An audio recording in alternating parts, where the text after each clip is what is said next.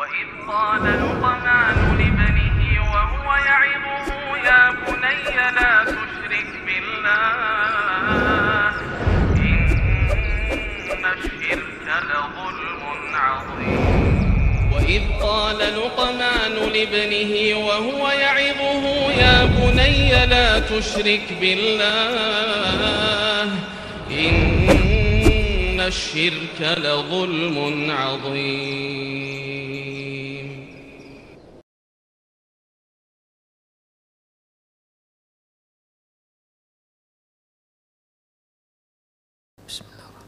Assalamualaikum warahmatullahi wabarakatuh. Innal hamdalillah nahmaduhu wa nasta'inuhu wa nastaghfiruh wa na'udzu billahi min shururi anfusina wa sayyiati a'malina. May yahdihillahu fahuwal muhtad wa may yudlil falan tajida lahu waliyan mursyida. Asyhadu an la ilaha illallah wahdahu la syarika lah wa asyhadu anna Muhammadan 'abduhu wa rasuluh alladzi la nabiyya ba'dah. وقال الله سبحانه وتعالى يا أيها الذين آمنوا اتقوا الله حق تقاته ولا تموتن إلا وأنتم مسلمون.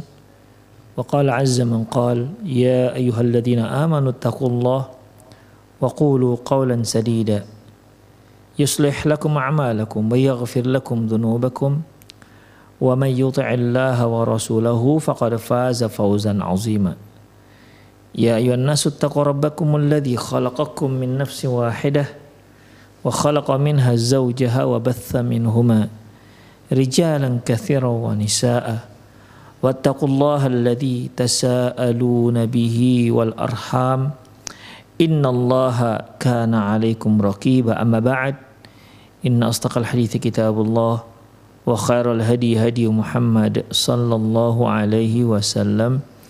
wa syarrul umur muhdatsatuha wa kullu muhdatsatin bid'ah wa kullu bid'atin dhalalah wa kullu dhalalatin finnar. Para pemirsa Rosat TV serta pendengar Radio Medan Mengaji di mana pun Anda berada, Alhamdulillah. Kita bertemu kembali dalam kajian fatwa seputar anak di mana yang lalu kita telah membacakan enam pertanyaan. Kemudian pertanyaan berikutnya, soal berikutnya, udhkur ba'dal adillati syar'iyyati allati tudhiru fadla may yamutu lahu waladun fayahtasibuh. Sebutkan dalil syar'i syar'i tentang keutamaan orang tua yang bersabar mengharapkan pahala dari Allah dengan kematian anaknya. Jawabannya al-adillatu fi hadha sya'an kathiratun nadhkuru minha mayali.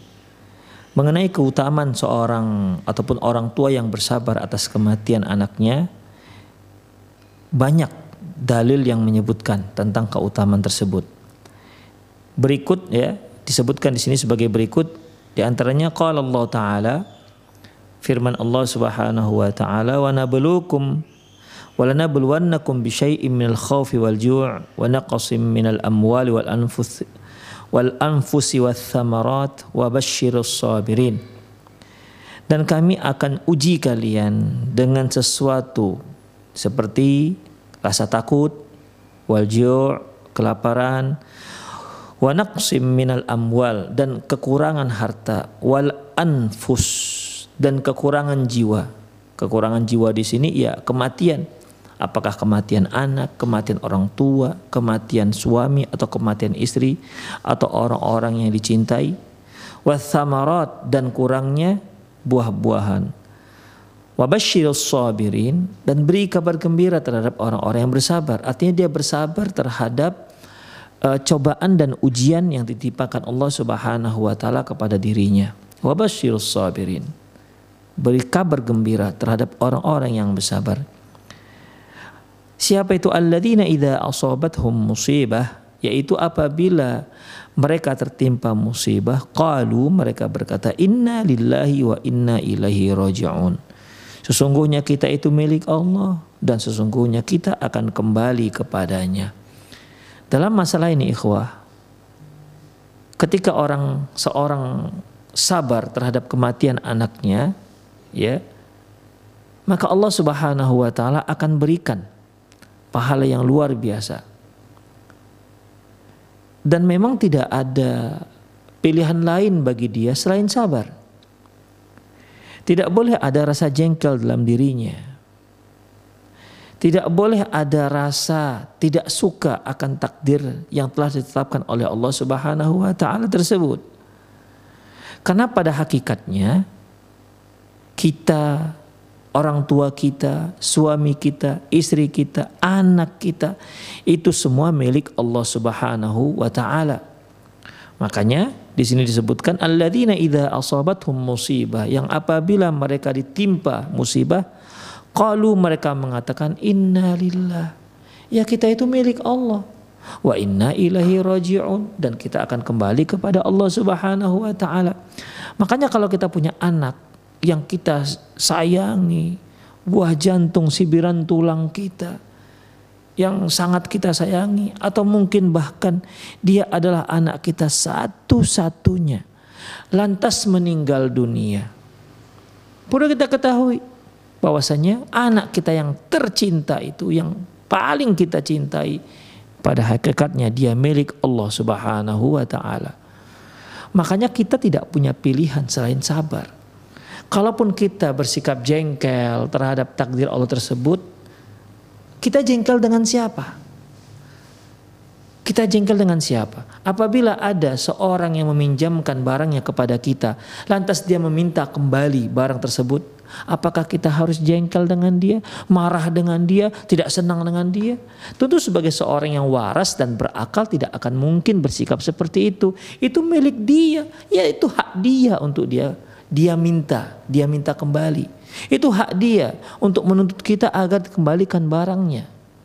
Gak akan ada seorang pun yang waras yang harus bersikap jengkel.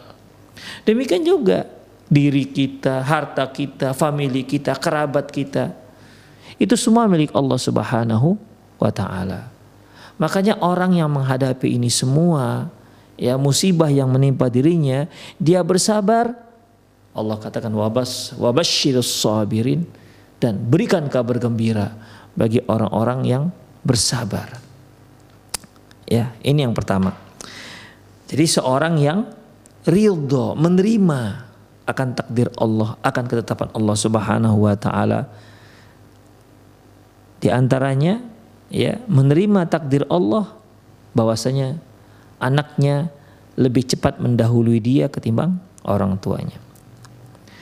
Hadis yang kedua akhrajal Bukhari wa ghairuhu min hadis Anas bin Malik radhiyallahu anhu anin Nabi sallallahu alaihi wasallam. Itu hadis yang diriwayatkan yang dikeluarkan oleh Imam Bukhari dan lain-lainnya dari Anas bin Malik radhiyallahu anhu dari Nabi sallallahu alaihi wasallam qala dia berkata ma minan nasi min muslimin yutawaffa lahu thalathun lam yablughul hinth illa adkhalahu Allahul jannah bifadli rahmatihi iyahum. Sabda Rasulullah tidak ada seorang pun, seorang muslim pun yang meninggal anaknya tiga orang yang belum balik kecuali Allah akan masukkan dia ke dalam surga karena rahmat dan keutamaan Allah yang Allah berikan kepada dirinya. Ya.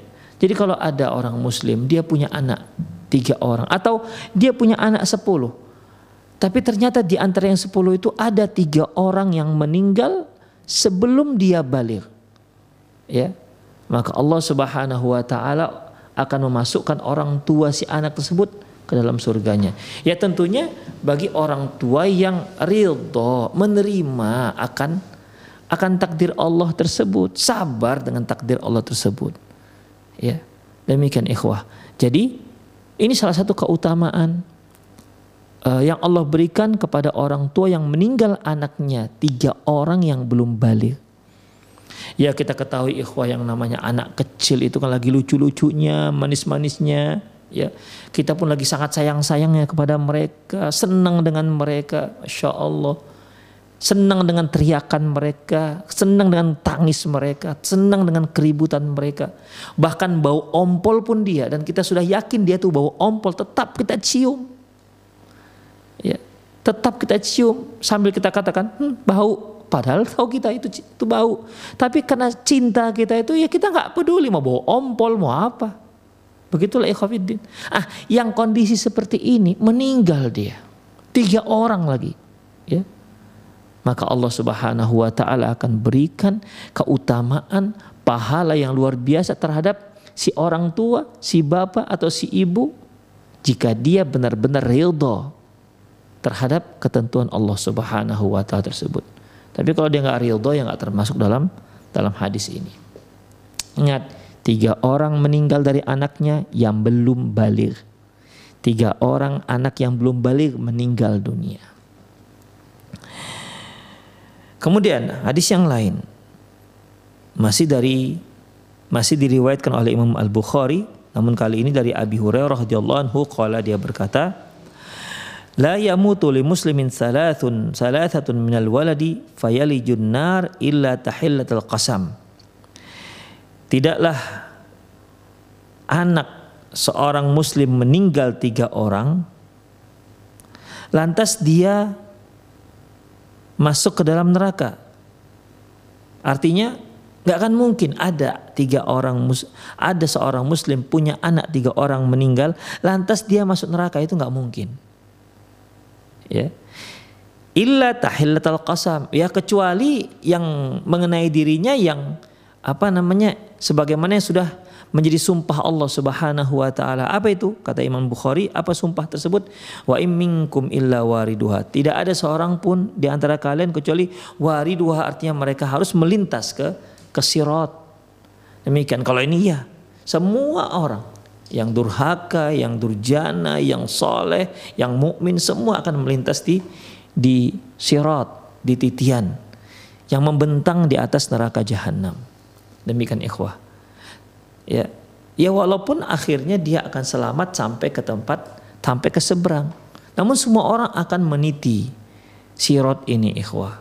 Ya, bagi yang memiliki tiga orang anak yang belum balik meninggal dunia, ya, maka dia tidak akan dimasukkan ke dalam neraka. Artinya dimasukkan ke mana ini? Ya dimasukkan ke dalam surganya Allah. Hadis berikutnya yaitu dari Abi Sa'id Al-Khudri anna nisa qulna lin Nabi sallallahu alaihi wasallam ij'al lana yawman uh,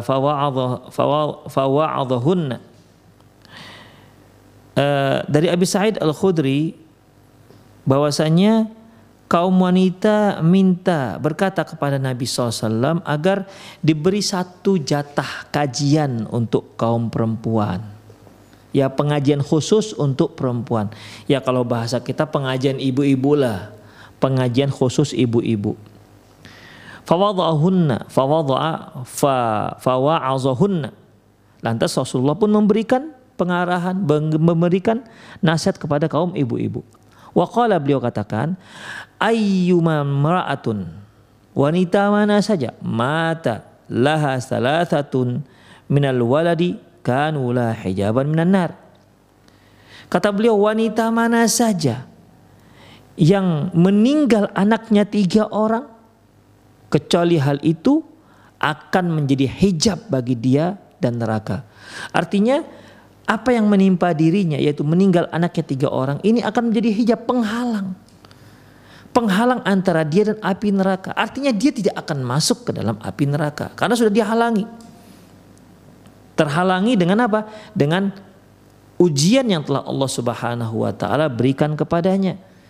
Timpakan kepadanya semasa di dunia yaitu dengan meninggal anak tiga orang. Waqalat imra'ah, ada seorang wanita yang bertanya, "Wathnan?" Wanita ini bertanya, "Ya Rasulullah, gimana kalau hanya dua orang anak yang meninggal?" Qal wathnan, kata beliau dua juga. Ya, dua juga. Tapi di sini satu nggak ditanyakan. Satu bagaimana tidak ada. Jadi bagaimana ikhwah? Ya, dia minimal dua orang.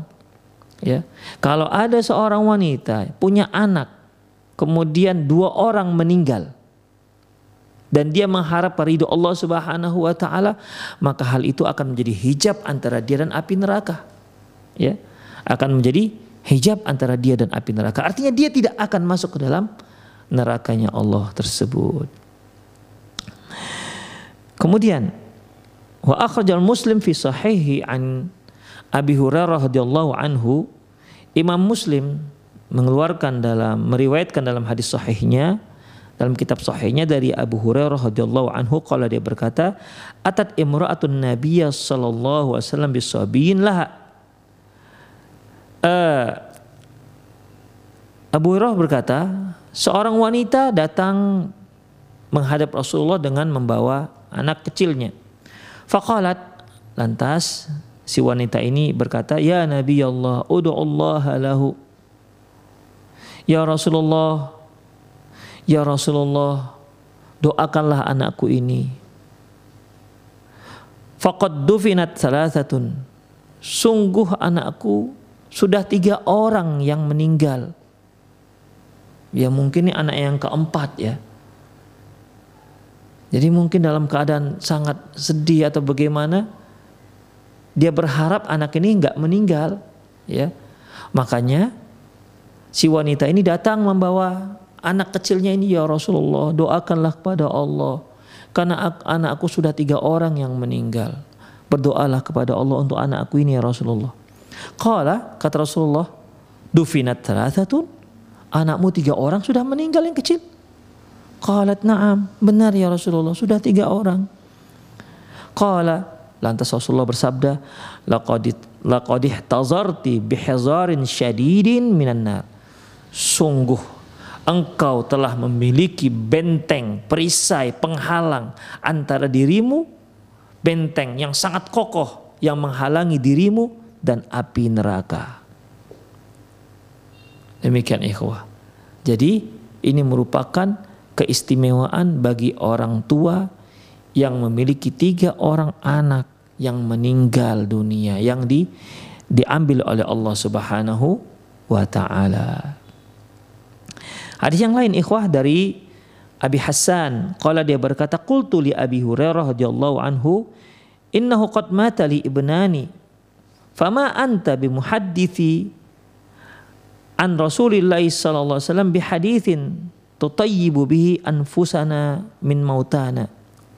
Aku berkata kepada Abu Hurairah, ya Abu Hasan ini berkata kepada Abu Hurairah, aku bertanya berkata kepada Abu Hurairah, uh, sudah dua orang anakku meninggal.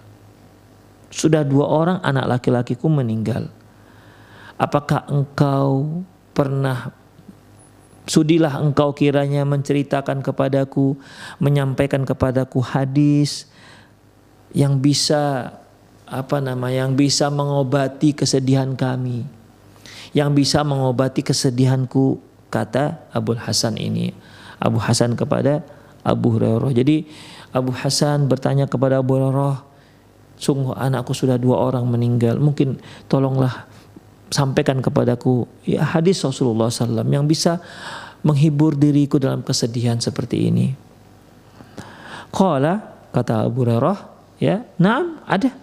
Sigharukum da'amish al-jannah yatalaqqa ah, yatalaq yatalaqqa ahaduhum abahu aw qala abawaihi fayakhudhu bi thawbihi aw qala biyadihi kama akhadha ana bi bi sinfati thawbik hadha.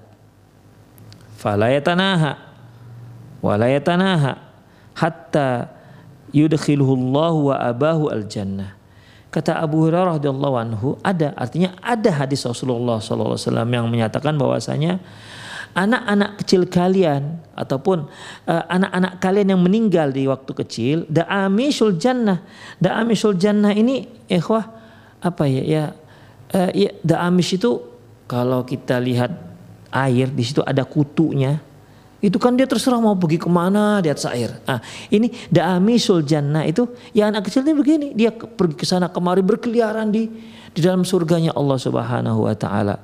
Kemudian uh, salah seorang mereka bertemu dengan ayahnya atau kedua orang tuanya. Lantas dia pegang baju baju ayahnya. Ya, seperti aku memegang baju ujung baju kalian seperti ini.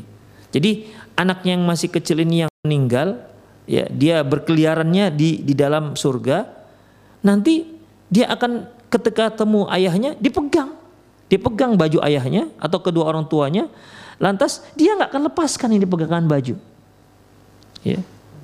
Dia akan lepaskan pegangan baju ini. Sampai Allah menyuruh dia dan ayahnya masuk ke dalam surga. Dia dan orang tuanya masuk ke surga. Demikian. Dalam hadis yang lain ikhwah, ya, di Allah Subhanahu wa taala menyuruh anak-anak kecil ini untuk masuk ke dalam surga. Ayo kalian masuk surga sana. Kata mereka enggak ya Allah, sampai kami bertemu dengan orang tua kami. Setelah bertemu dengan orang tuanya dipegangnya bajunya. Kemudian kalian masuk ke surga? Enggak ya Allah, sampai kami bawa masuk kedua orang tua kami. Demikian. Begitulah peranan anak-anak yang meninggal di saat mereka masih kecil. Demikian ikhwah. Kemudian dalam hadis yang lain yang diriwayatkan oleh Imam Nasai dengan sanad yang sahih dari Muawiyah bin Qurrah dari ayahnya radhiyallahu anhu, anna rajulan atan nabiy sallallahu alaihi wasallam wa ma'ahu ibnun lahu. Seorang laki-laki datang membawa anak kecilnya, ya.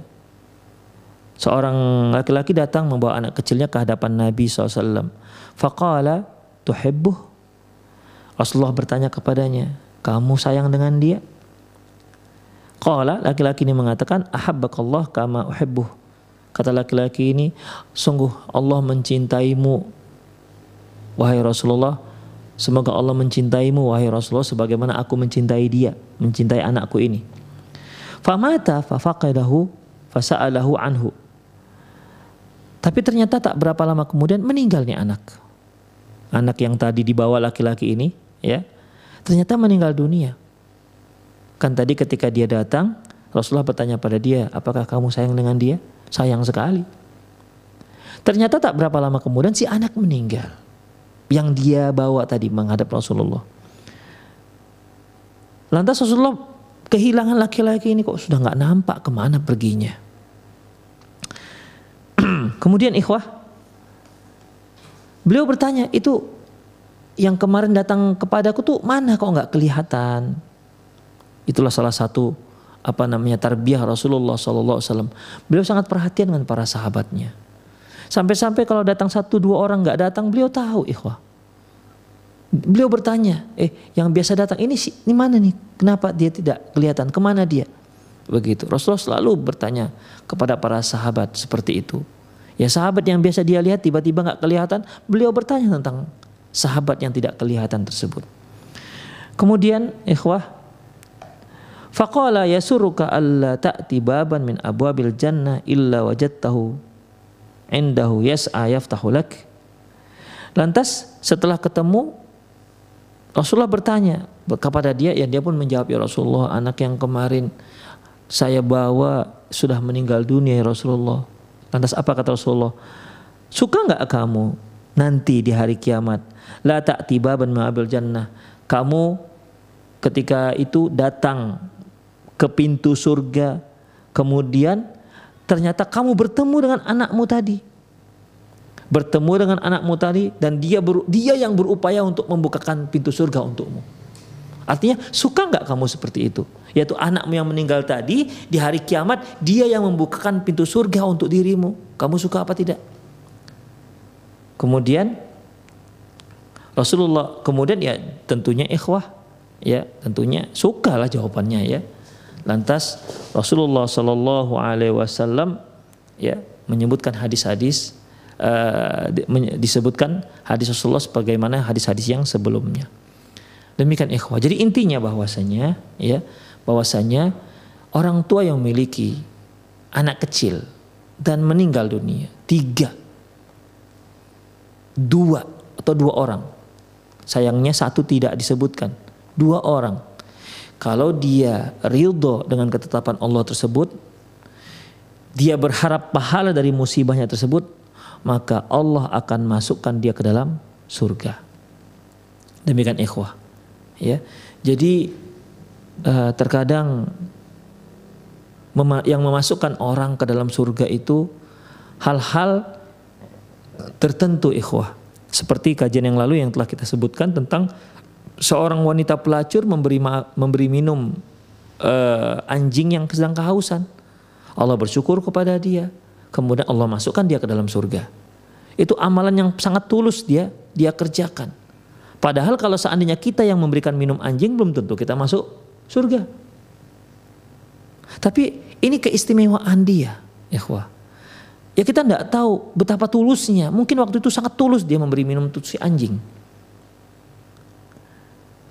Atau yang ini ikhwah. Ya mungkin amalannya biasa-biasa saja. Tapi Allah masukkan dia ke dalam surga gara-gara apa? Dikarenakan dia punya anak tiga orang. Anak kecil meninggal dunia. Atau dua orang. Demikian. Itu menjadi modal dia untuk masuk ke dalam surganya Allah subhanahu wa ta'ala. Demikian. Makanya dalam prinsip ahli sunnah wal jamaah ya tidak boleh memastikan seseorang masuk ke dalam neraka. Kalau dia masih hidup siapa pun dia kafirkah dia ataukah dia seorang muslim? Kita tidak tahu. Mungkin di akhir hayatnya dia bertobat. Mungkin seorang kafir di akhir hayatnya dia masuk Islam. Kita tidak tahu. Tapi kalau sudah meninggal itu kafir meninggalnya dalam keadaan kafir maka bisa dipastikan dia masuk dalam dalam neraka. Makanya Rasulullah mengatakan apabila kamu melintas ke melintas e, pekuburan orang kafir, apa kata beliau sunnahnya? Basyiruhum binar. Kabarkan kepada mereka kalau mereka masuk ke dalam neraka. Demikian. Ya. Kalau dia seorang muslim ikhwah, kalau dia seorang muslim kita nggak bisa pastikan dia masuk ke dalam surga, apalagi memastikan dia masuk ke dalam neraka. Kita hanya berharap. Ya, kita kita hanya berharap. Kita melihat dia mungkin seorang yang biasa-biasa saja. Amalannya itu biasa-biasa saja. Lantas kita tidak boleh menganggap dia sepele. Karena kita tidak tahu mungkin ada satu kebaikan ya yang di mana kebaikan itu yang memasukkan dia ke dalam surganya Allah Subhanahu wa taala seperti hadis yang telah kita bacakan. Mungkin amalnya biasa-biasa saja, sholat lima waktu, puasa, tahajud mungkin enggak juga, tapi ternyata dia pernah memiliki kesabaran yang membaja ketika Allah timpakan ujian pada dirinya yaitu meninggalnya meninggal anak kecilnya tiga orang. Demikian ikhwah. Taib. Soal yang ke-8. Ma hukmu ma hukmu qat ma hukmu qatlil waladi khasyatal faqri. Apa hukum membunuh anak karena takut miskin? Jawabannya nah Allah taala an qatlil waladi khasyatal faqri. Bahwasanya Allah melarang seorang membunuh anaknya karena takut fakir, karena takut miskin. Sebagaimana yang Allah sebutkan dalam surat Al-Isra ayat 31 wala taqtulu auladakum khasyata imlaqin nahnu narzuquhum wa iyyakum dalam surah Al-Isra ini Allah Subhanahu wa taala menyebutkan wala taqtulu auladakum khasyata imlaq. Jangan kamu bunuh anakmu karena takut miskin. Nahnu narzuquhum wa iyyakum. Kami yang memberi mereka rezeki dan kalian juga. Ini ayat ini ada dua yang bentuknya seperti ini. Yang satu dalam surat Al-An'am la taqtulu auladakum min imlakin. Jangan kalian bunuh anak kalian karena takut miskin. Jangan kalian bunuh anak kalian karena kalian miskin. Nahnu narzukukum wa iyyahum. Jadi dalam surat Al-An'am Allah menyebutkan nahnu narzukukum wa iyyahum. Dalam soal Isra Allah mengatakan nahnu narzukuhum wa iyyakum. Jadi kebalikannya. Saya ulangi. Dalam surah An'am Allah menyebutkan nahnu narzukukum kami yang memberi kalian rezeki wa iyyahum dan mereka juga si anak juga. Dalam soal Isra Allah menyebutkan nahnu narzukuhum kami yang memberi mereka rezeki wa iyyakum dan kalian juga. Para ulama mufassirin menjelaskan Apakah ini bulak-balik seperti ini maknanya sama saja? Beda ikhwah. Ketika dalam soal 6 Allah mengatakan la taqtulu la taqtulu la taqtulu auladakum min imlakin nahnu narzuqukum kumnya duluan wa iyyahum baru mereka jangan kalian bunuh anak kalian karena miskin artinya dalam soal 6 kondisi orang tua itu sudah miskin. Ya. Karena kemiskinan ini akhirnya dia bunuh anaknya. Makanya untuk menjawab ini Allah katakan nahnu narzukukum wa iyahum. Sungguhnya kami yang memberi kalian rezeki. Jangan khawatir. Walaupun kalian miskin, itu anak yang datang kepada kalian. Itu kami yang memberi rezeki. Dan kalian juga. Demikian. Jadi agar Allah ingin memberikan jaminan kepada orang tua. Walaupun dia miskin, dia punya anak. Jangan dibunuh. Ya. Karena yang menjamin rezeki itu adalah Allah Subhanahu wa taala dan Allah juga menjamin rezeki kalian. Jadi kalian tidak usah takut.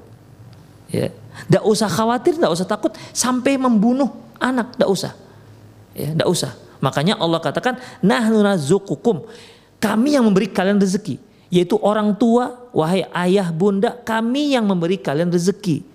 Untuk meyakinkan kepada orang tua, jangan khawatir dengan kemiskinan kemiskinan. Walaupun kalian anak punya anak dua, tiga, empat, lima, enam, tujuh misalnya. Kalian dalam keadaan fakir, jangan sekali-sekali bunuh anak kalian. Yang memberi kalian rezeki itu kami kata Allah. Makanya baru kemudian nah narzukukum wa iyyahum dan mereka juga. Jadi ditekankan di sini kumnya kedua orang tua. Dalam surah Al-Isra Allah mengatakan wala taqtulu auladakum khasyata imlak. Jangan kalian bunuh anak kalian karena takut miskin. Artinya ini orang bukan miskin, orang tuanya bukan miskin. Orang tuanya dalam keadaan berkecukupan.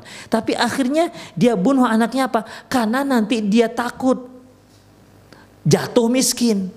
Karena dia sudah berkecukupan sekarang, karena ada anak, dia khawatir dia tadinya dari berkecukupan, akhirnya jatuh miskin. Kalau tadi kan memang orang tua dalam keadaan miskin. Kalau yang kedua ini, Orang tuanya berkecukupan. Tapi akhirnya dia mau bunuh anaknya karena takut nanti dia jatuh pada kemiskinan. Makanya Allah katakan ya, nah nunarzukuhum wa iyyakum. Kami yang memberi mereka rezeki. Wa iyyakum dan kalian juga. Artinya kalian gak usah bunuh. Kalian gak akan berkurang kekayaan kalian dengan adanya anak. Karena yang memberikan rezeki si anak itu kami kata Allah Subhanahu wa taala. Jadi itu bedanya ikhwah. Saya ulangi untuk surah Al-An'am ya, nahnu narzuqukum wa iyyakum yaitu karena orang tua dalam keadaan miskin ya sehingga dia bunuh anaknya karena kemiskinan tersebut. Nanti anaknya dengan adanya anak berikutnya lahir anak, ini anaknya akhirnya membuat kemiskinannya semakin miskin, gitulah kira-kira. Dalam soal Isra ya, orang tua sudah dalam keadaan berkecukupan ya dan takut jatuh miskin gara-gara dia punya anak. Makanya Allah katakan nah narzukuhum. Enggak usah takut karena kami memberi mereka rezeki. Jadi kamu enggak akan jatuh miskin gara-gara lahirnya anakmu. Wa iyyakum dan kalian juga sebenarnya kami yang memberikan rezeki. Jadi intinya di sini tidak boleh membunuh, tidak boleh membunuh anak. Ikhwah rahimanallahu wa iyyakum. Mungkin para pemirsa pernah mendengar kebiasaan orang-orang Arab Quraisy waktu dahulu sebelum datang Islam di mana mereka uh, kebiasaan mereka itu uh, membunuh anak perempuan yang lahir. Ya. Membunuh anak perempuan yang lahir. Mereka punya dua cara itu membunuh anak perempuan. Yaitu pertama ketika istrinya lahir melahirkan mereka sudah sediakan lubang ya mereka sudah sediakan lubang Ketika yang lahir itu perempuan langsung dilemparkan ke dalam lubang, ditimbun. Langsung ditanam hidup-hidup. Kalau dia yang lahir laki-laki maka dibiarkan. Itu cara pertama.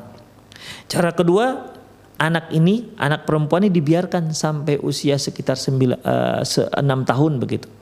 Lantas si ayah pura-pura ingin apa ya jalan-jalan ke rumah kerabatnya dengan membawa si anak. Disuruh ibunya untuk ya dandanin anaknya dibawalah oleh ayah. Kemudian si ayah sudah menyediakan lubang untuk si anak. Si ayah mengatakan nak tengok tuh dalam lubang. Ketika si anak melihat ke dalam lubang ditolak oleh ayahnya. Kemudian ditanam hidup-hidup itulah bejatnya itulah biadabnya orang Arab Arab dahulu. Apa namanya men, me, me, menguburkan hidup-hidup anak perempuannya dengan tanpa tega sedikit pun Kisah ini ikhwah diawali dari kisah Qais bin Asim At-Tamimi. Qais bin Asim At-Tamimi ini Dia kan dahulu kan orang kabilah-kabilah Arab itu saling berperang. Qais bin Asim ini berperang menghadapi musuh-musuhnya. Dan pada waktu itu ternyata anak ataupun anak perempuan Qais bin Asim ini menjadi tawanan oleh musuhnya. Tapi bagi si musuh dia jadikan anak putri dari Qais bin Asim At-Tamimi ini menjadi istri. Kan biasanya dijadikan budak ya. Kali ini enggak, malah dijadikan sebagai istri. Kemudian antara Qais bin Asim dengan suami suami anaknya ini terjadi perdamaian. Ya, terjadi perdamaian. Kemudian Qais bin Asim memberikan pilihan kepada si anak. Suaminya juga memberikan pilihan kepada istrinya. Istrinya yaitu anak Qais bin Asim At-Tamimi. Silahkan kamu mau pilih ayahmu atau mau tetap bersamaku. Itulah kesepakatannya antara Qais bin Asim dengan dengan uh, apa namanya laki-laki yang telah memperistri anaknya. Sementara itu adalah musuhnya.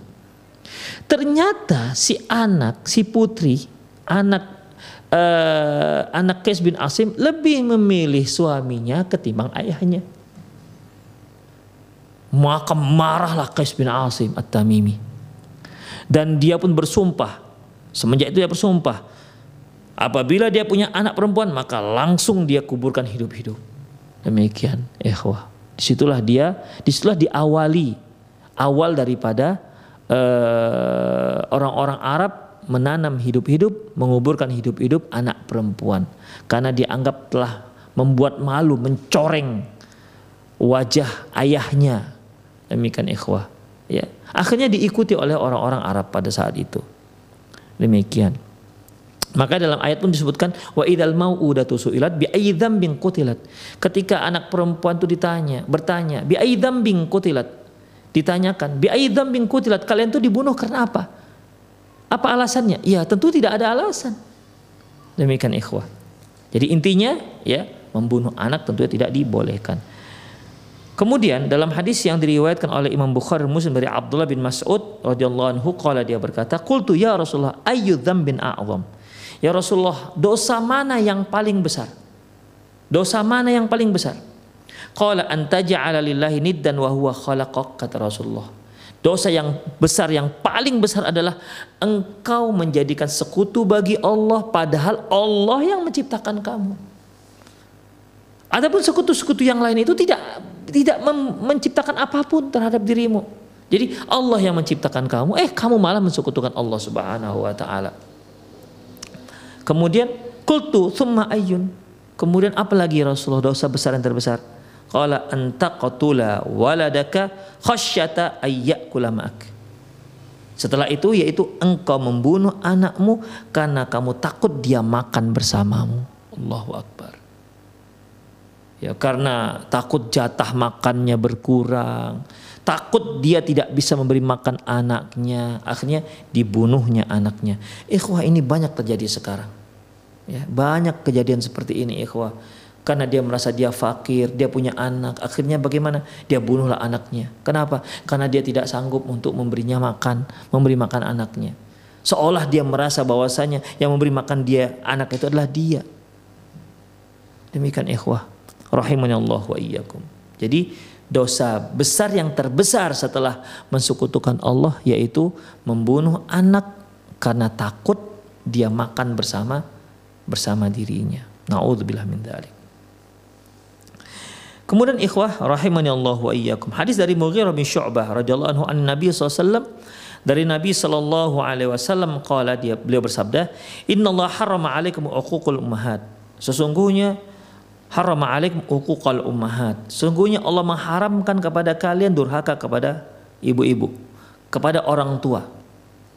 Wa man'an wahad, yaitu orang yang tidak mau memberi, wahad tapi suka meminta. Hat hat minta minta. Kalau untuk dia masya Allah dia aja, tapi dia nggak pernah memberi saking bakhilnya. Wawadul banat dan membunuh anak perempuan. Demikian ikhwah rahimani Allah wa iyyakum. Kemudian soal yang kesembilan, hal khassal ihsanu ilal banati wa nafaqah was sabr alaihinna bimazidi fadli wa thawab. Apakah ada pahala lebih dan pahala khusus? Ya dengan bersikap baik dan memberi nafkah dan bersabar terhadap anak perempuan? Itu dia Ya sini pertanyaannya ya maksud pertanyaannya apakah kalau kita memberi nafkah pada anak perempuan sabar terhadap mereka bersikap baik kepada mereka apakah ada nilai lebih pahala besar dibandingkan anak yang yang laki-laki? Itu dia. Ya ternyata ikhwafidin banyak dalil-dalilnya. Ya bersikap baik terhadap anak perempuan memberikan nafkah khusus terhadap anak perempuan, kemudian bersabar terhadap anak perempuan, ternyata punya pahala lebih, ya, punya pahala lebih ketimbang anak laki-laki. Ini berbahagialah bagi kaum muslimin yang punya anak perempuan. Jadi jangan sampai dia bersedih, anaknya sudah lima perempuan semua. Jangan sedih, jangan sedih.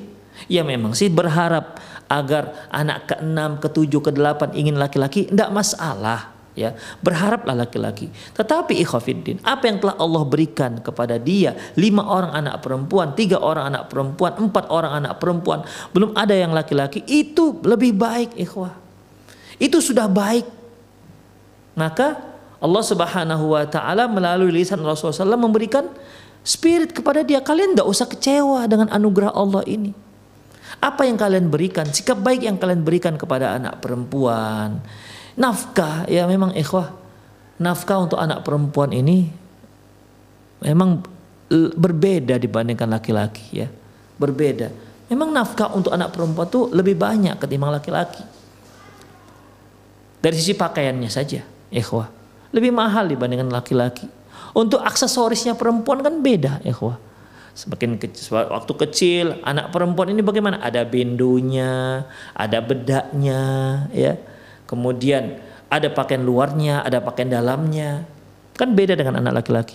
Semakin remaja, semakin banyak uang keluarnya. Untuk wajahnya aja ikhwah, Masya Allah kan. Ada alas bedaknya. Kalau keluar pakai sunblocknya. Ada bedaknya. Allahu Akbar. Rambutnya yang panjang itu perlu perawatan. Sampunya lebih banyak. Anak perempuan itu lebih banyak menghabiskan sampo. Ya, ketimbang anak laki-laki. Anak laki-laki kalau dia ketomben dibotak, saya selesai masalahnya. Anak perempuan kan nggak mungkin dibotak. Begitulah ikhwafiddin. Makanya harus lebih banyak bersabar terhadap anak perempuan. Anak laki-laki mungkin kalau kita agak apa ya, agak tegas kepada mereka, mungkin bagi mereka ya biasalah. Tapi kalau anak perempuan diberi ketegasan yang berlebihan, itu akan apa namanya ya, membuat dia takut. Akhirnya nasihat yang masuk pada dirinya itu rasa takut tadi itu. Demikian ikhwah. Makanya Islam memberikan uh, pahala lebih bagi orang tua yang memelihara anak perempuan, yang memiliki anak perempuan. Di antaranya ikhwah hadis yang diriwayatkan oleh Imam Bukhari dan Muslim dari Ummul Mukminin Aisyah radhiyallahu anha. Qalat dia berkata, "Ja'ani imra'atun ma'aha bintan tas'aluni tas'aluni falam falam tajid indi ghairat tamrah wahidah." Seorang wanita datang kepadaku, dia meminta-minta. Dan ternyata aku nggak punya apa-apa. Kecuali hanya sebutir kurma. Allahu Akbar. Rumah Rasulullah tidak ada makanan kecuali hanya sebutir kurma. Coba bayangkan ikhwah. Ada nggak di rumah kita itu satu hari kita nggak punya apa-apa. Nggak ada makanan apa pun. Ya. Nggak ada apa pun yang bisa dimakan. Demikian. Ya kalau kita paling tidak ada beras lah ya. Ada beras yang bisa di, langsung dimasak. Kenapa? Iya Ustadz, nasi kami pun nggak ada habis karena kalian malas masaknya itu aja masalahnya. Kalau mau masak ada berasnya, ada nasinya. Tapi ini tidak.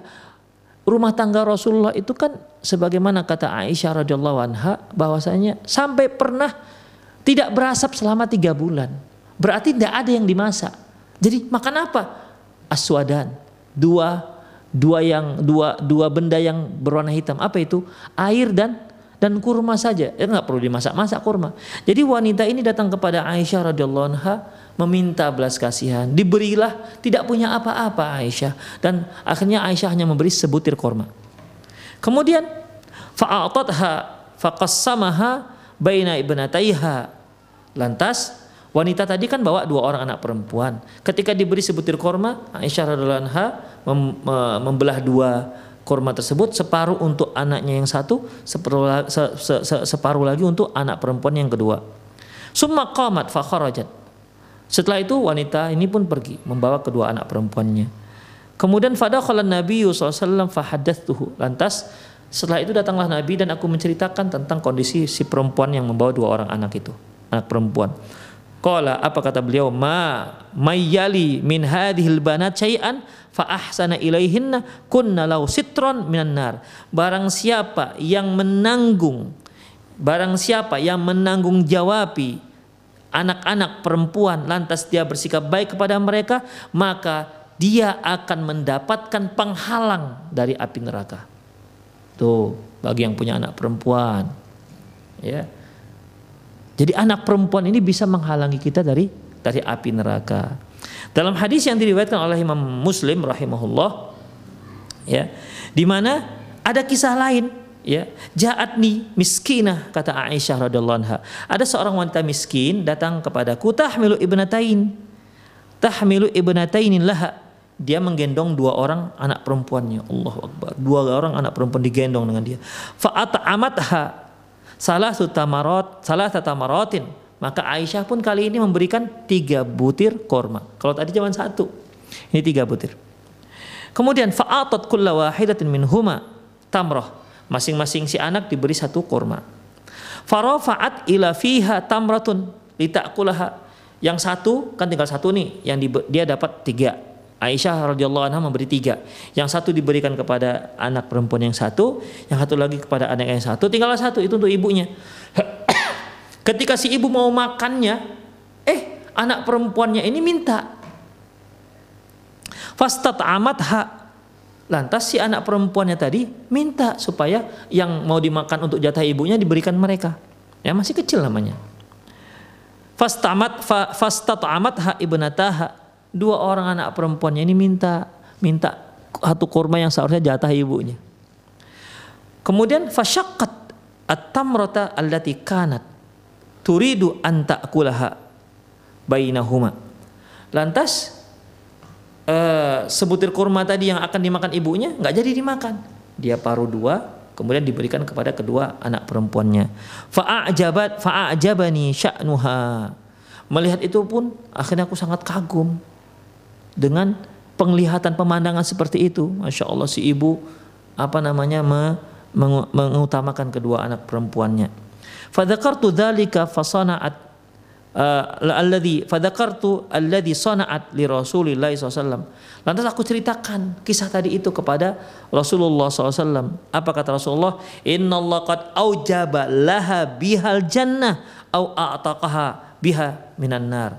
Apa kata Rasulullah? Sungguh anak perempuan tersebut ya menyebabkan ibunya pasti masuk ke dalam surga atau au a'taqaha biha minan nar atau dengan anak perempuan tersebut Allah membebaskan si ibu dari dari api neraka. Allahu akbar. Itulah keutamaan anak perempuan. Ada lagi hadisnya.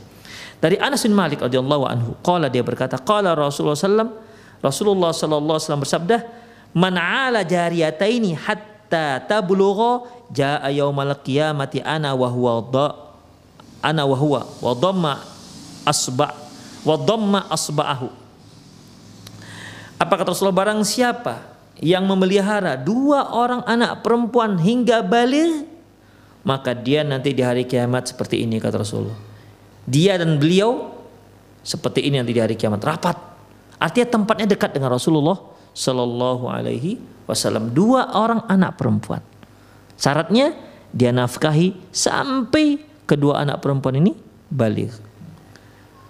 Dalam hadis yang lain dari diriwayatkan oleh Ibnu Majah dari Uqbah bin Amir radhiyallahu anhu qala dia berkata sami'tu Rasulullah yaqul man kana lahu thalathu banatin Barang siapa yang memiliki tiga orang anak perempuan, fasabara alaihinna, dia bersabar dengan anak perempuannya ini.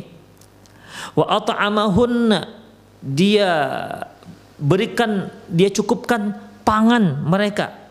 Wasaqahunna, dia cukupkan minuman mereka. Wa kasahunna min jidatihi dan dia dia beri, dia penuhi sandang si anak-anak perempuan ini dengan hasil jeripayahnya.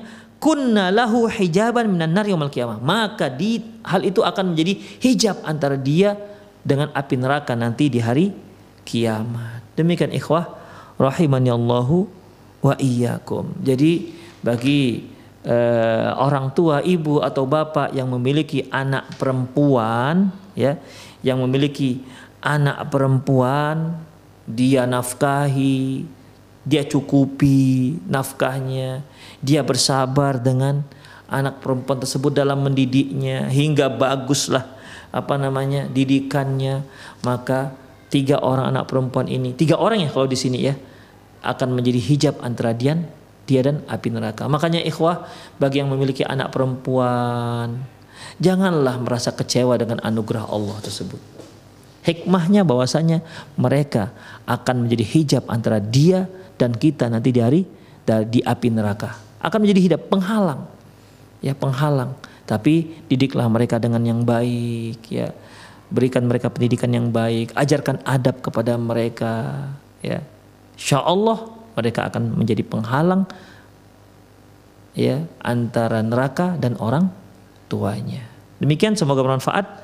Qul qouli wa li wa wal muslimin innahu wal rahim. Bagi para pemirsa yang ingin bertanya, silahkan uh, silahkan hubungi nomor yang ada di layar kaca Anda sebelah bawah ya.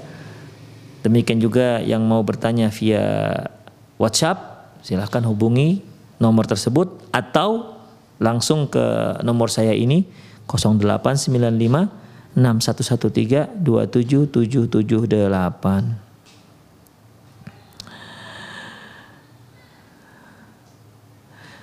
Assalamualaikum Ustadz, apakah anak susuan dapat warisan? Ya, Waalaikumsalam warahmatullahi wabarakatuh. Ikhwah, uh, seorang itu mendapat warisan dikarenakan tiga hal.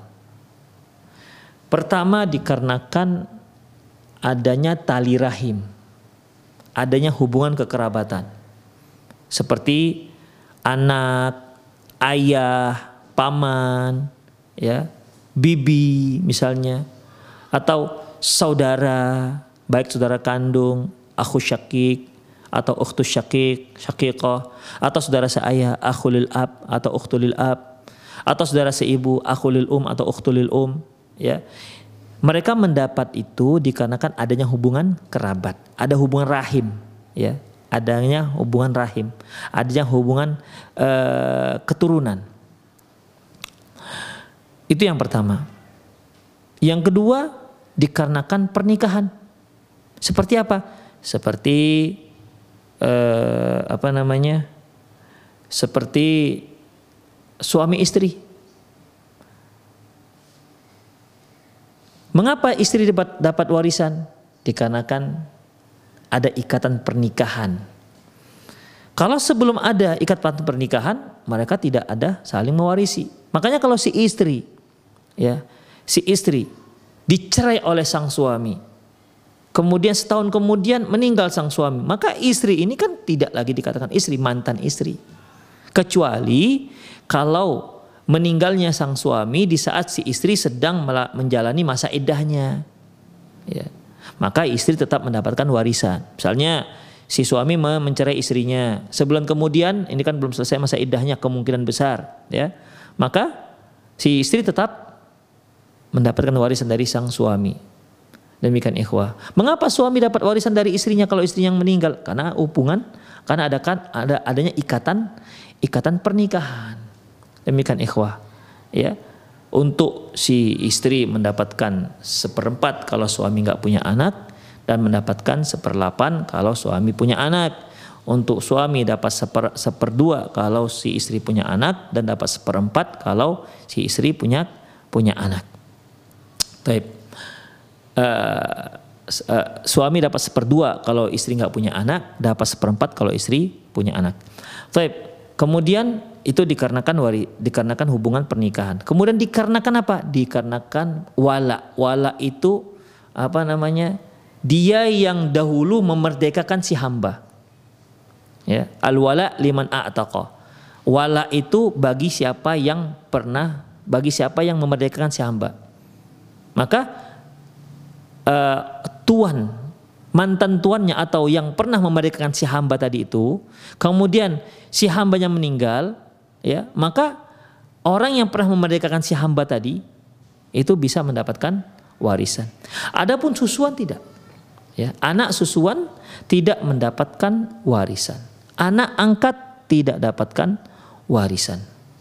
Mahram iya, ya, mahram iya. Anak susuan mahram. Ya, tapi kalau warisan tidak. Dan juga tidak bisa menjadi menjadi wali pernikahan dia nggak bisa menjadi wali pernikahan. Ya, demikian ikhwafidin. Jadi intinya bahwasanya anak susuan tidak mendapatkan harta warisan apalagi kalau anak angkat, anak tiri itu sama sekali tidak ada warisan untuk mereka. Assalamualaikum, Anda mau bertanya Ustadz Apakah imajinasi anak-anak itu perlu kita batasi? Terkadang anak-anak suka menganggap kayak rumahnya kebakaran dan dia menjadi pemadam kebakaran atau berimajinasi seakan-akan bundanya sakit dan dia jadi dokternya. Apakah hal itu diperbolehkan Ustadz atau kita ajarkan anak kita berkata-kata berkata yang baik saja atau lebih baik diam membatasi imajinasi lalu mengarahkan dia berpikir hal-hal yang realistis saja. Jazakallah khairan. Uh, ibu yang bertanya, ya, tinggal kita melihat maslahatnya apa. Kalau dia berimajinasi, misalnya rumahnya kebakaran, lantas dia ambil air, disiramin semua, sofa-sofa ibu disiramnya, kemudian tempat tidur ibu disiramnya dengan air, karena dia sedang berimajinasi sebagai pemadam kebakaran, maka perlu diarahkan. Tapi kalau dia hanya sekedar main-main saja misalnya, dia ambil selang hanya sempat hus hanya begitu saja dia, ya. Tidak betulan ini apa namanya? Tidak uh, ada juga airnya di selang tersebut. Ya nggak apa-apa. Karena tidak ada mudorotnya. Ya. Tidak ada mudorotnya. Tapi kalau imajinasinya sampai dia coba dia bakar te tempat tidur maknya, kenapa? Dia nggak mencontohkan ada kebakaran. Ini kan bermudorot. Jadi selama tidak bermudorot pada dia dan tidak mendatangkan kerugian, tidak apa-apa, biarkan saja. Ya. Atau dia berimajinasi dia sebagai dokter, ibunya sakit, ya tidak apa-apa. Kalau sekedar mana mana umi yang sakit, diambilnya apalah begitu kan, dia perisanya dada ibunya nggak apa-apa. Tapi kalau sampai dia ambil apa? Dia ambil jarum pentul, dicucuk ibunya lagi tidur dicucukkannya, cut begitu contoh dokter yang sedang menyuntik berarti kan menimbulkan mudorot. Ya kalau sampai menimbulkan mudorot ya nggak usah apa namanya di, tinggal diarahkan.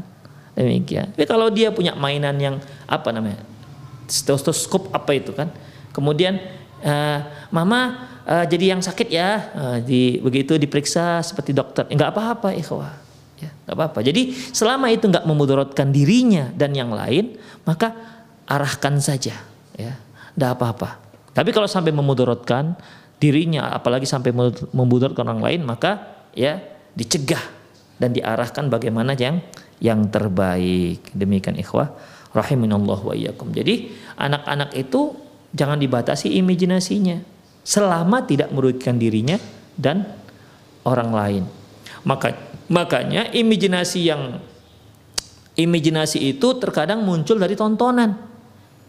Kalau ibu memberikan tontonan misalnya Iron Man, kemudian Superman yang bisa terbang, maka si anak nanti kalau dia ingin berimajinasi menjadi Iron Man misalnya ataupun Superman, dia lompat dari dari tingkat dua gimana?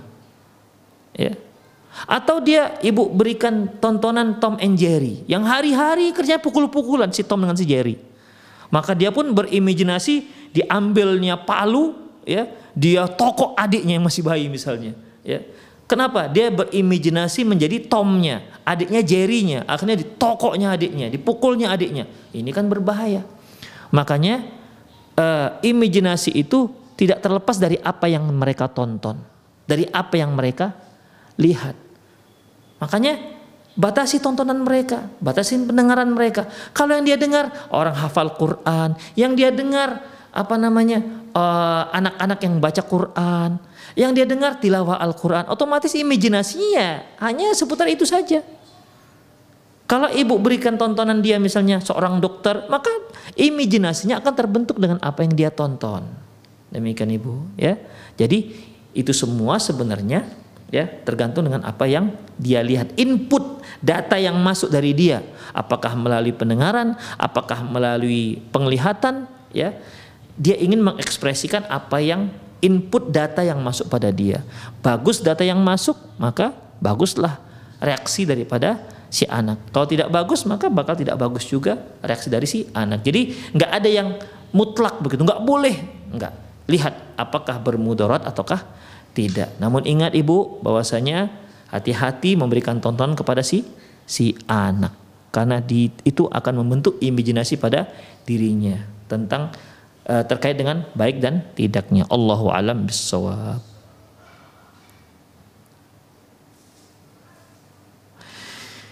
Bismillah mau tanya Ustadz bagaimana menyikapi suami yang suka membela anak ketika anak berbuat salah, dibela di depan si anak itu sendiri juga di depan ibunya. Kemudian si anak disuruh pergi meninggalkan ibunya. Uh, tentunya bagi seorang suami kurang tepat ya kalau kalau dia terang-terangan membela anaknya di hadapan anaknya. Ya, di saat si istri menasihati si anak, tiba-tiba datang si suami membela si anak terang-terangan membela si anak, maka ini bukan pendidikan yang bagus. Ya. Si anak akan jadikan itu sebagai senjata. Si anak akan jadikan itu sebagai tameng. Jadi setiap kali dia berbuat buruk atau kesalahan, dia akan bertameng pada bapaknya. Karena dia tahu bapaknya akan membela dirinya. Demikian ikhwah. Jadi tidak baik, sangat tidak baik untuk pendidikan si anak. Kalau seorang ayah membela anaknya terang-terangan di hadapan si anak. Itu akan membuat besar kepala si anak di hadapan ibunya. Kalaupun mungkinlah si ibu salah ya. Mungkin si ibu salah atau mungkin karena si ibu merepet aja bawaannya. Lantas dia mengucapkan hal-hal yang tidak baik. Janganlah si ayah mengatakan, "Ibu, jangan berkata begini-begini, itu kasar nggak layak." Jangan di hadapan di hadapan si anak. Nanti saja. Ya, nanti aja bicara berdua nasihati istri dengan dengan cara yang terbaik demikian ya dengan cara yang lembut jangan di hadapan si anak dan ini sering terjadi ikhwah pembelaan orang tua terhadap anak di sekolah itu dia ketika guru menghukum si anak kemudian dibela habis-habis oleh orang tuanya bahkan ada orang tua itu yang gak segan-segan memarahi guru di hadapan para murid-murid yang lain ini yang rugi sebenarnya bukan guru, anaknya yang yang rugi. Anaknya akan menjadi bandel. Apalagi mungkin dia orang tuanya seorang pejabat atau orang kaya, gurunya orang biasa saja, orang yang dianggap ya rakyat biasa yang bisa diintimidasi. Maka yang seperti ini akan membuat si anak besar kepala. Nggak bagus untuk pendidikan si anak. Dia tidak akan sopan terhadap gurunya. Dia akan berani terhadap gurunya. Di mana pun dia berada. Karena dia tahu kalau dia salah, dia akan dibela oleh orang tuanya. Makanya ikhwah, kita ajarkan anak kita. Bagaimana cara menghormati guru. Walaupun itu sekolah milik Anda. Dan anak Anda sekolah di sekolah milik Anda. Ajarkan dia untuk hormat dan patuh kepada guru. Begitu. Karena peluang besar bagi bagi anak sekolah di sekolah milik orang tuanya untuk bersikap semena-mena terhadap guru. Demikian. Karena dia tahu ini punya bapak saya ini. Ini guru nggak berani macam-macam. Demikian. Akhirnya dia semena-mena dengan guru. Maka Anda ajarkan. Ya, anda ajarkan bagaimana bersikap baik, patuh terhadap terhadap guru-guru mereka. Jangan berpihak kepada si anak. Demikian, ya. Makanya ikhwah rahimunallahu wa iyyakum terutama ya pembina yayasan atau yang yayasan yang di bawahnya ada pendidikan-pendidikan dan anaknya sekolah di situ Hati-hatilah dalam masalah ini. Jangan sekali-sekali membela anak di hadapan gurunya. Demikian juga sang suami atau istri ya. Jangan membela anak langsung di hadapan suami atau jangan membela anak langsung di hadapan istri. Karena hal itu tidak baik pendidik untuk pendidikan si anak. Demikian Allahu alam bisawab. Selanjutnya, Assalamualaikum Pak Ustadz, bagaimana kita sebagai orang tua bisa bersabar mendidik anak? Kadang bahkan sering yang membent sering saya membentak anak jika tidak menurut. Misalnya beresin mainan, ajak sholat saat ini anak saya usia 3 tahun barakallahu fik. Ibu, anak itu masih tiga tahun. Kenapa harus dibentak? Ya, nggak boleh membentak anak. Mereka itu belum begitu memahami apa yang kita inginkan. Anak namanya. Terkadang kita suruh, nak begini ya. Sebentar lagi sudah lupa. Jangankan dia, kita yang udah besar sering lupa. Ya. Hari ini kita katakan iya, besok apa yang kita iyakan kita langgar. Apalagi anak-anak, apalagi ini Allah Akbar masih tiga tahun. Ya, masih tiga tahun. Ibu ajak sholat, ibu ajak sholat, ya dia juga belum tentu bisa sholat. Maka udah ajak aja sholat, udah, yuk nak di sini sebelah ibu, ibu sholat. Ya udah dia nanti, apakah dia angkat tangannya habis dia main-main ke sana kemari? Yang jelas diajak sholat. Tapi kalau sampai dibentak, apalagi sampai dipukul, itu jelas melanggar syari. Ya. Yang namanya pendidikan dalam Islam tidak ada dasarnya bentak, membentak, pukul, memukul tidak ada. Ya. Tetap mengajak ke jalan Allah. Itu mendidik anak siapa pun yang kita didik tetap Udu'u ila sabili rabbika bil hikmah wal mau'izah. Ajak kepada jalan Allah. Ya kita kan anak kita kan ingin kita ajak ke jalan Allah supaya dia sholat, ya, supaya dia apa namanya bisa disiplin. Bil hikmah wal mau'izah dengan hikmah dan mau'izah hasanah dengan peringatan yang baik. Dengan lemah lembut. Tidak ada satupun satu perkara pun yang diiringi dengan kelembutan kecuali dia ilazanah kecuali akan dia, dia hiasi. Salat misalnya, mengajak salat si anak yang tiga tahun itu sekedar mengajak saja. Ya. Kan sebenarnya kita belum belum boleh menyuruh ya, mengajak silakan, menyuruh belum. Karena Rasulullah Shallallahu alaihi wasallam mengatakan, "Muru auladakum bis salati wa hum fi sab'i sinin." Perintahkan anak kalian salat Eh, ketika dia berusia tujuh tahun. Jadi dalam syariat ketika si anak usia tujuh tahun baru kita perintah nak sholat. Dia belum wajib sholat tapi kita sebagai orang tua wajib menyuruh dia. Kalau kita nggak suruh dia sholat satu hari lima kali dosa kita. Subuh, zuhur, asar, maghrib, isya. Itulah dia. Jadi bagaimana? anak belum wajib sholat, kewajiban orang tua untuk menyuruh si anak satu hari lima kali. Sehari semalam. Begitu. Dan mengajaknya tuh sungguh menyuruhnya. Itu di saat si anak berusia tujuh tahun. Bukan tiga tahun. Ya tiga tahun masih dianya, yuk sholat yona, ayo ikut. Nanti dia baru baru Allah Akbar dia tak lari ke mana. Demikian. Baru setelah tujuh tahun disuruhlah dia Wadribu alaiha wa hum fi sinin dan pukul dia ketika dia sudah berusia 10 tahun kalau masih belum sholat. Demikian. Jadi ibu yang bertanya atau kalau ini bapak yang bertanya, jangan membentak-bentak anak. Anak-anak memang ya begitulah namanya anak-anak. Apalagi kalau anak-anak laki-laki yang sehat, masya Allah itu lasa. Lasa itu apa ya? Itu apa namanya aktif begitu kan? manjat-manjat. Terkadang ketika datang tamu, uh, cari perhatian. Ya, ketika datang tamu, di situ dia berulah. Kadang-kadang kita jengkel. Kenapa? Begitu datang tamu, begitu dia berulah. Begitu ikhwah. Cari perhatian dia terhadap dari kita dan ada tamu. Kadang-kadang dia jajannya hanya seribu ketika datang tamu diperasnya mak sepuluh ribu katanya begitu jadi bisa terjadi seperti itu Ya harus bersabar anak-anak namanya. Nanti nasihati lagi, nasihati lagi, ulang lagi, lupa, ulang. Eh begitulah sebagai orang tua. Ya. Tapi Ustaz saya nggak sabar. Harus sabar. Mana bisa tidak? Berusaha untuk sabar. Ini anak ibu mau diapain? Mau ibu apain dia? Kan ibu ingin agar dia menjadi anak yang soleh. Ya jangan begitu cara cara mendidiknya. Ya, ajak dia, rayu dia, nasihati dia. Nak, nggak boleh begini ya nak. Nah, begitu. Nanti lupa dia. Eh nak, tadi mama bilang apa? Nggak boleh kan? Lupa lagi, ingatkan lagi. Anak-anak ikhwah. Nah, demikian. Ya semoga Allah Subhanahu wa taala memudahkan kita untuk mendidik anak-anak kita sehingga mereka menjadi generasi yang soleh dan solehah. Demikian ikhwah, aku lu qauli hadza wa astaghfirullah li wa lakum wa muslimin innahu wal ghafur rahim. Subhanakallahumma bihamdik asyhadu an la ilaha illa ant astaghfiruka wa atubu ilaih. Wa akhir da'wana alhamdulillah rabbil alamin. Assalamualaikum warahmatullahi wabarakatuh.